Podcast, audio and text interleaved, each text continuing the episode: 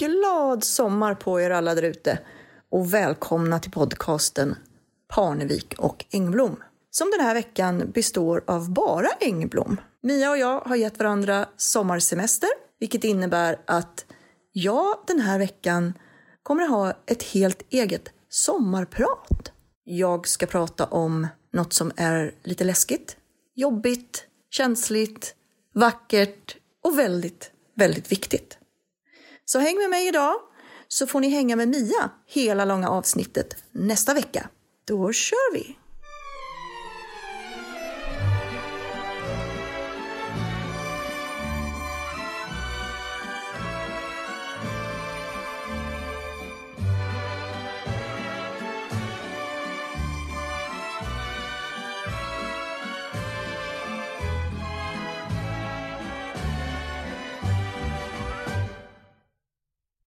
Vi har inte känt varandra länge, men jag vet det jag vet.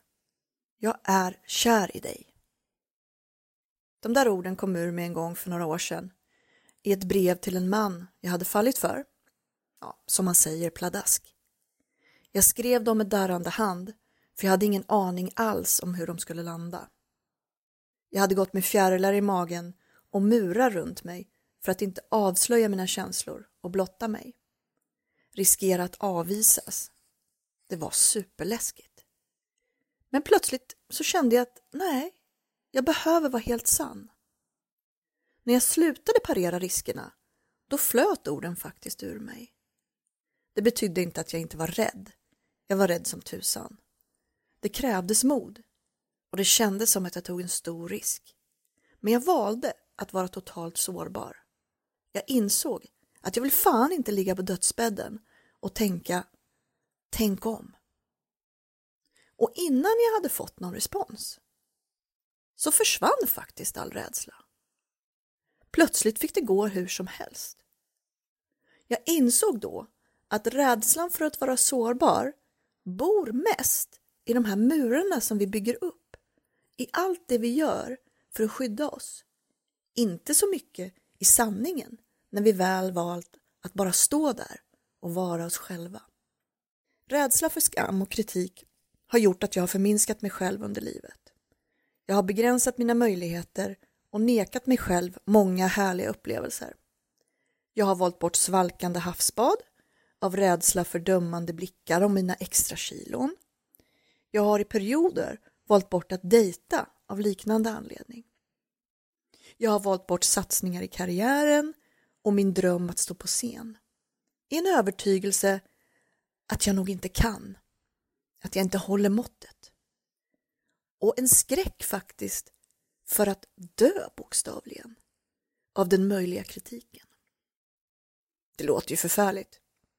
Mitt liv har varit kantat av mycket fantastiskt och jag har också tagit ut svängarna på många andra sätt.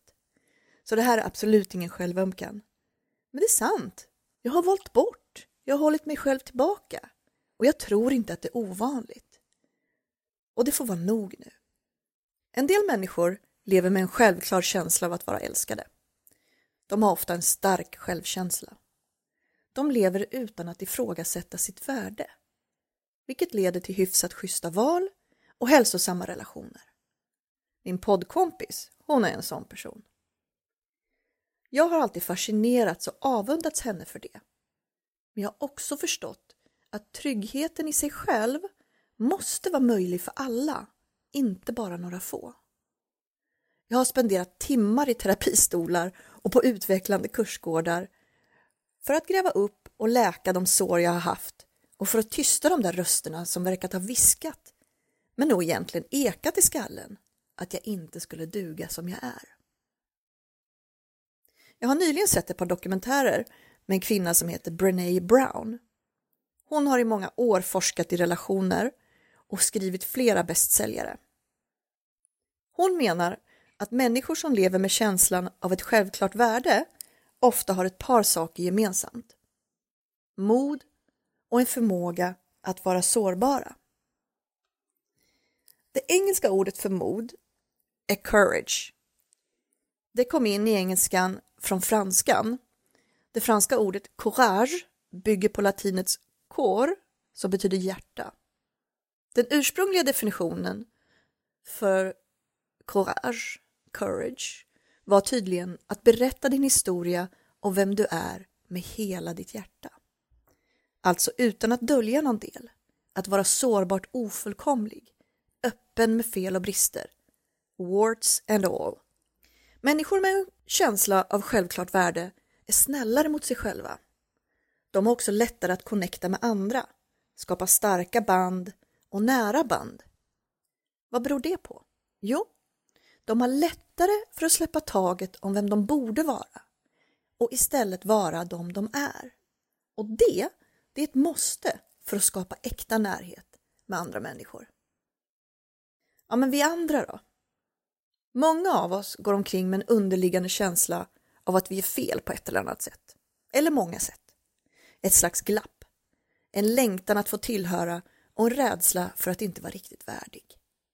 Jag har haft den övertygelsen. Lyckligtvis i mindre och mindre grad. Men det är fortfarande en resa. Den här övertygelsen, eller de här rösterna, som trots att jag vet att de inte är sanna, kan ta stor plats i stunder av osäkerhet.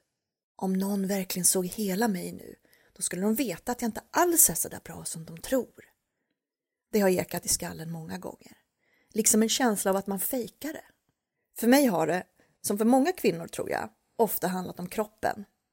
Den här vackra, fantastiska kroppen jag har. Den har fått utstå hårda ord istället för uppskattande beundran för det här miraklet som den faktiskt är. Och jag vill säga förlåt fina kropp. Du har ju burit mig genom hela livet och det är helt fantastiskt vad du gör varje dag. För män tror jag ofta att det handlar om att inte få visa sig svag. Att vara den som ska fixa allt. Vi har alla olika saker vi inte vill brista i. Jag har också haft jättesvårt för att säga ifrån när någon gör mig illa, medvetet eller omedvetet. Jag har vridit och vänt på situationen för att säkerställa att jag är rättvis. Rädd för att bli lämnad om jag är orättvis eller obekväm. Någonstans är det nog ändå mitt fel har jag tänkt. Jag kanske bara inte ser det. Att leva så blir svårt och faktiskt inte schysst eftersom man inte kan ta sig förbi och reda ut det som inte kommer upp på bordet. En av våra starkaste drivkrafter som människor är att vi vill tillhöra. Vi vill ge och få kärlek och uppskattning. Vi vill bli sedda. Vi vill ta hand om och omhändertas. Vi vill känna oss trygga med andra. Vi vill höra ihop. Det är inte samma sak som att passa in. Men på något sätt så får vi för oss det. Vi vänjer oss vid situationer som inte är hälsosamma. Vi kapar delar av oss och undviker att vara för annorlunda. Så där ska jag nog se ut. De där kläderna är nog rätt. Jag kan säga det här men inte det här. Jag ska vara glad men inte för glad. Rädslan att bli bortstött driver oss. Längtan att få höra ihop är så stark att vi ofta gör avkall på oss själva. Ofta omedvetet. Vi gör allt för att passa in i andras liv, i andras mallar för det de tycker att vi borde vara. Det kan bli hur tokigt som helst. Jag har en liten historia om det. Den här lilla historien kommer ur boken Var den du är och förändra världen av Dane Here. Den kallas Du behövde ändå inte de där armarna och benen, eller hur? Du är hemma hos dig och din väldigt charmiga vän kommer körandes förbi. Han eller hon sitter i en väldigt liten bil i samma storlek som en Mini Cooper ungefär. Han tutar och säger Hallå där, hur är det? Kom hit, kom hit. Vill du ha en relation med mig? Du svarar Ja men herregud, du är så fin och du kör en sån fin liten bil. Jag är verkligen redo för en relation, så ja, det vill jag. Den andra personen sitter förstås i förarsätet eftersom det är hans liv och du vill gå in i en relation med honom. Så du stiger in i bilen och sätter dig i passagerarsätet där du hör hemma. Du drar in fötterna och inser att bilen är för liten för att dina ben ska få plats ordentligt. Så du hugger helt enkelt av dem och slänger ut dem. Du kommer ändå inte att behöva dem eftersom du vill åka med på den här andra personens livsresa. Eller hur? Han eller hon bara råkar köra den här pyttelilla bilen. Så du tänker, okej, okay, jag är redo. Mina ben är avhuggna så att jag får plats i bilen som rymmer ditt liv. Inga problem. Så bra, nu kör vi. Du stänger bildörren och inser då, oj, mina axlar och armar är för breda för att jag ska få plats. Så du hugger av ena armen och sen tuggar du av den andra och stänger dörren med hakan. Och nu är du redo. Du har inga armar och inga ben och äntligen kan du ge dig ut på den andra personens livsresa. I en relation med honom ja, eller henne. I passagerarsätet i din partners pyttelilla bil. Så fantastiskt! Ha det så bra! Nu åker vi!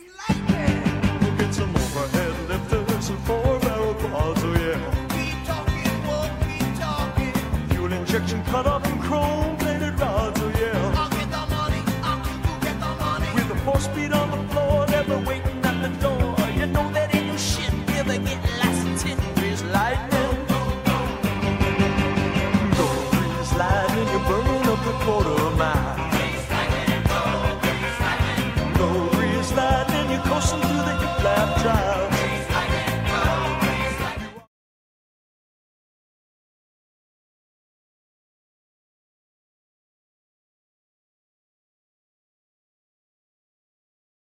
Det är så här vi ofta gör i relationer, vare sig vi planerar för det eller inte. Missförstå mig inte, jag är själv expert på att göra så här. Vad jag vill säga är alltså inte att det är något fel på er för att ni gör så här, utan bara att det kanske inte är det smartaste valet. Det var den historien. En ganska bra metafor för hur vi i kärleksrelationer ofta anpassar oss istället för att vara de vi är. Och det går igen i olika delar av livet. När jag har levt sådär har jag ofta haft en mer eller mindre stark känsla av att något skaver eller fattas. Jag har haft en vag känsla av att snart tusan kommer de på mig. Det är bäst jag inte blottar mig för mycket. Jag är ju inte så bra som de tror. Jag minns när jag skulle sluta ett jobb jag hade haft i flera år som projektledare på en översättningsbyrå. Jag läste annonsen de lagt ut för att hitta min ersättare. Jag studsade till. Nej, men det där jobbet skulle inte jag våga söka annonsens beskrivning av tjänsten jag haft i flera år. Och min uppfattning om min kompetens och prestation stämde inte alls. Det blir jobbigt som tusan att försöka passa in ibland. Vi försöker dölja det vi tror är våra brister och vi försöker vara perfekta. Ibland dövar vi oss med mat, med socker, min personliga favorit, med alkohol, sex, droger. Ja, listan kan göras lång. Lyckligtvis är loppet inte kört för någon av oss och därför inte för samhället eller för mänskligheten, även om vi, enligt mig, är ute på djupt vatten. Vi får tidigt lära oss att mod är styrka och sårbarhet är en svaghet, varandras motpoler. Jag påstår att det i själva verket är två sidor av samma mynt. Du kan inte vara modig utan att vara sårbar och du kan inte vara sårbar utan att vara modig. Brené Brown som jag nämnde förut. Hon liknar livet vid en arena med publikläktare. Hon menar att om du är modig och kliver in på arenagolvet och i sårbarhet visar dig så kommer du att få stryk. Du inte bara riskerar att misslyckas. Du kommer att ramla, du kommer misslyckas och få ont i hjärtat ibland. Men inse, menar hon, att det finns massor med platser i publikraderna fyllda av människor som köpt de billiga biljetterna och aldrig kommer sätta sin fot i själva arenan. De kommer aldrig att blotta sig själva. Det är de facto mer bekvämt att titta på. De behåller murarna de har byggt upp, sina kamouflagedräkter, sina rustningar och från den säkra sidan gör de det ibland till ett heltidsjobb att kritisera och döma andra. Det kan vara jäkligt läskigt att vara sårbar, både i intima relationer och vid tillfällen när man blottar sig för många människor. Idag är ju sociala medier ett ställe där vi alla kan bli måltavla för många människors tyckande och dömande. Att älska någon är också att vara sårbar. Du kan bli lämnad, personer vi älskar kan dö. Att ge någon ditt hjärta betyder att något kan hända. Men om vi inte gör det, lever vi då fullt ut? De här kritikerna, hur skyddar vi oss från dem? För att kunna hantera sån här överväldigande negativitet och en massa dömande, särskilt i sociala medier, så antar vissa förhållningssättet äh, jag skiter i vad alla tycker. Men det är sant. Nej, du bryr dig. Vi har det i oss. Vi bryr oss om vad andra tycker. Men sålla i vilka du ska bry dig om. Vilkas åsikt som är värdefull. Glöm för det första alla som sitter på de där billiga publikplatserna. Ta inte emot kritik och feedback från människor som inte själva är modiga i sina liv. Lyssna inte på dem som vänder kappan efter vinden eller de som vrålar ut sin egen ångest i förenklade sanningar som går ut på att trycka ner för att i fem minuter känna sig bättre än någon annan. De har rustningen på och är i själva verket livrädda. Du behöver inte analysera, dissekera, försvara och vrida och vända på andra människors dömande för att komma fram till om de har rätt eller fel om dig. Jag tror att det är en fälla du aldrig kommer ur. Låt de här istället få vara intressanta åsikter som flyger förbi, som du inte behöver förstå eller göra något med och med mycket lite värde för dig. Att reagera och försvara ger dem bara mer energi och håller något kvar istället för att låta det passera. Theodore Roosevelt gav ett tal en gång och det finns ett citat som fastnade hos mig. Han sa Det är inte kritiker som räknas. Inte den som visar hur en starke snubblar eller hur en gärning kan göras annorlunda. Äran tillhör den som faktiskt är i arenan, vars ansikte är nedsmutsat av damm, svett och blod. Den som kämpar tappert, som felar, den som gång på gång kommer till korta och som i slutändan kan komma att triumfera. Men även om han misslyckas så gör han det med stort mod. There's always gonna be another mountain I'm always gonna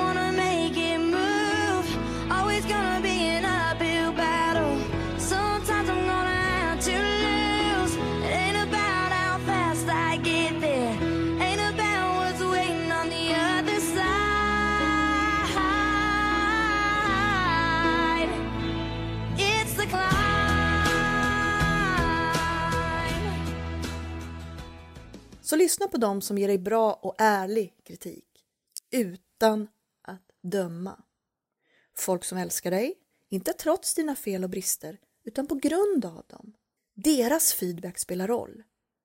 De kan säkert säga till dig när du gått över en gräns eller när du suger. Eller att de är oroliga för din vikt, för din hälsas skull. Och samtidigt fortsätter de att heja på dig och oss, för de vet att vi gör det här tillsammans.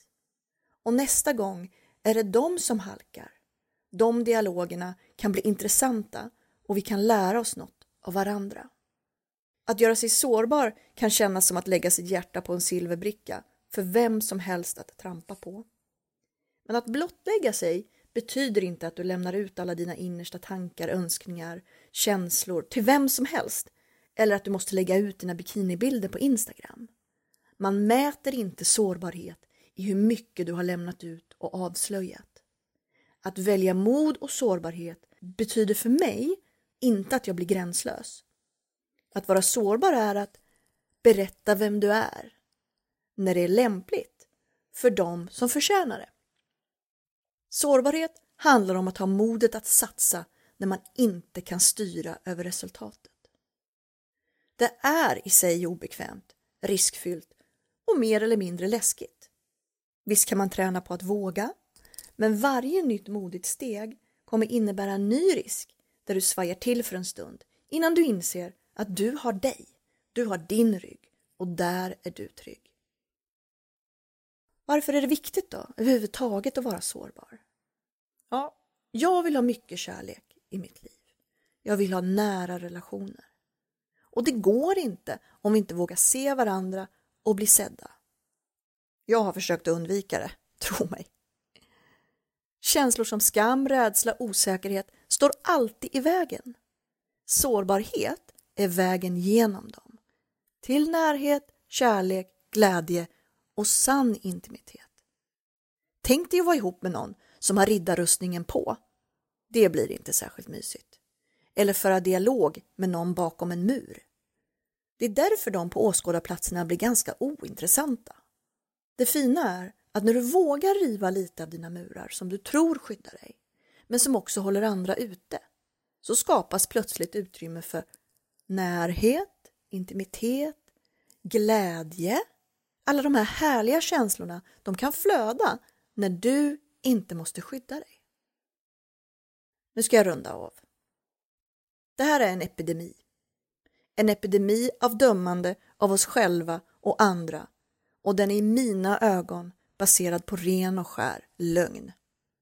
Vi ärver och plockar upp förvrängda förväntningar och måttstockar för framgång och tror att det är våra egna ord som dunkar i huvudet.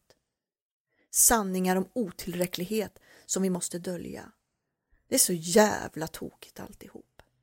Att vi inte får göra fel och att vi inte skulle duga som vi är. Om du frågar dig själv, är det verkligen sant? Vad är din sanning? Min är, jag duger, du duger, vi duger. Och faktiskt mycket mer än så. Så här tänker jag. Tänk om det är så, när vi tittar ännu närmare under ytan, att det vi försöker gömma och dölja mer än något annat inte är våra tillkortakommanden och brister, utan hur stora, fantastiska och kraftfulla vi egentligen är.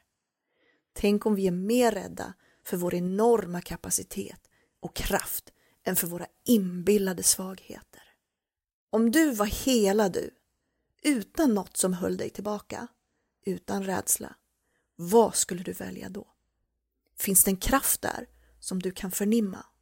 Finns det ett jävlar anamma som kan flytta berg? Finns det mer där än jag duger? Om du var du, kanske skulle du inte längre behöva fundera över hur du skulle parera och hantera världen. Om du klev in i arenan utan behov av rustning eller murar, kanske skulle världen istället behöva fundera på hur den skulle hantera dig. Jag ska bara vara mig själv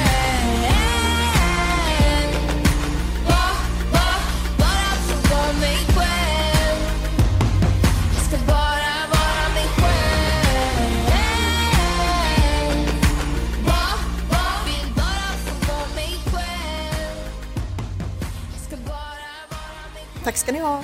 Det var jättehärligt att få ha ett sommarprat med er. Ha det gott i solen!